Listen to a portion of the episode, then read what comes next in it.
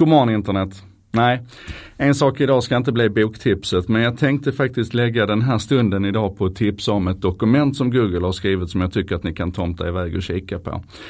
Eh, det tar inte många minuter att läsa det men det tar, eh, det tar många timmar att fundera på implikationerna. Vad, vad, Google har gjort är alltså att de lite grann under kniven här nu har släppt ett dokument om sina principer för artificiell intelligens och, och utveckling av artificiell intelligens inom, inom Google.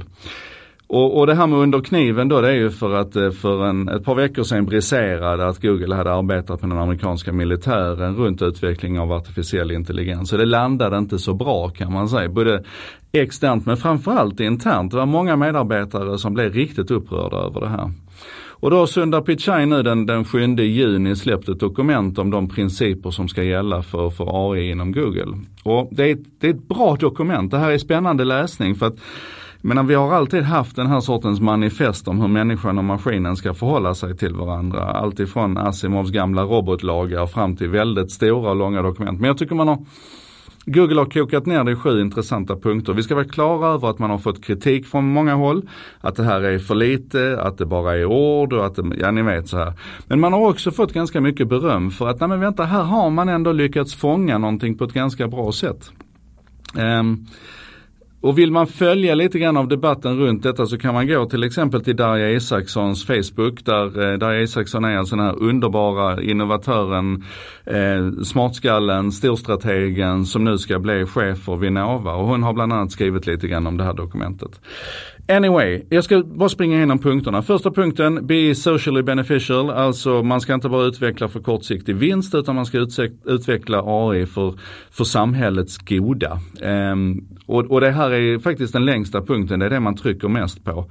Uh, och jag tycker det är, det, är, det är spännande och här är många tankar här som vi behöver ta med oss. Den andra punkten är avoid creating or reinforcing unfair bias. Så det är någonting vi pratar om mycket med AI nu, att eftersom det är människor som utvecklar de här algoritmerna så tar vi mänskliga fördomar med oss in.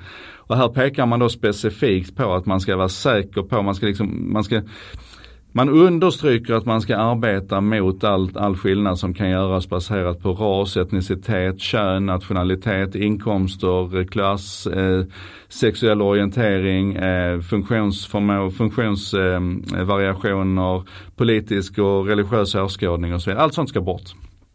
Eh, trean är Be built and tested for safety. Självklart kanske, men att man lägger ett väldigt brett begrepp när man pratar om säkerhet. Att, att man ska, man ska gå väldigt långt i att säkerställa att det inte finns en andra och tredje ordningens konsekvenser här som kan, kan skapa problem. Fyran är nog den som är mest spännande. Man säger be accountable to people. Alltså att oavsett hur smart man försöker göra den här artificiella intelligensen så ska det i slutändan vara människor som övervakar och bestämmer över den. Man pratar om our AI technologies will be subject to appropriate human direction and control. Det är nog många som drar en lättnadens suck där. Jag är lite, vi får återkomma till det en annan gång men jag, jag vill mana till lite försiktighet där. Femte punkten, Incorporate Privacy Design Principles.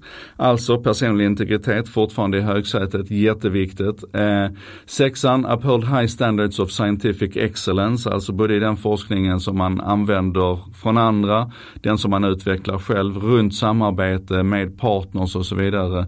Så ska det vara hög akademisk kvalitet på det här. Man ska vara man ska stå på stadig grund om man säger så. Och sen då sjuan, be made available for uses that accord with these principles. Alltså det ska inte bara handla om den egna utvecklingen utan man ska också ställa det här till andras förfogande. Och så listar man då ett antal punkter som är viktiga runt det här. Att AI ska lösa sitt primära syfte att det ska, att det ska ligga en, en unikness i det, en, en, en unikness i det man utvecklar, att, att det ska gå att skala det här så det kan göra stor nytta och att det naturligtvis naturligtvis ska ligga i linje med, med Googles naturliga och traditionella principer. Och sen så listar man fyra fall där det här inte ska, där man inte ska utveckla AI. Det ska inte vara teknik där, där skadan riskerar att vara större än nyttan, känns självklart kanske väldigt konkret, tvåan, det ska inte vara vapen och annan teknik som har som huvudsakligt syfte att skada människor. Då. Det ska inte vara teknik som, som syftar till övervakning eh, och det ska inte vara teknik som, som, som strider mot internationellt överenskomna lagar och mänskliga rättigheter och så vidare.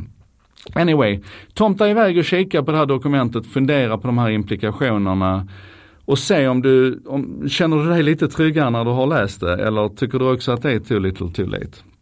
I alla fall, det här var en sak idag, producerat av mig, Joakim Jardenberg, med benäget bistånd av vännerna på eh, Bredband2, internetoperatören som gärna lyssnar när andra snackar och ser till att sprida det här goda ordet. Det har eh, textats och översatts av Contentor som arbetar med modern marknadsföring, redaktionella texter på nätet och översättningar. De ser till att fram emot lunch så finns det här på svenska och engelska ehm, på Youtube och Facebook. Lite fantastiskt. Vi ses eh, imorgon igen. Tills dess Gå hem och läs.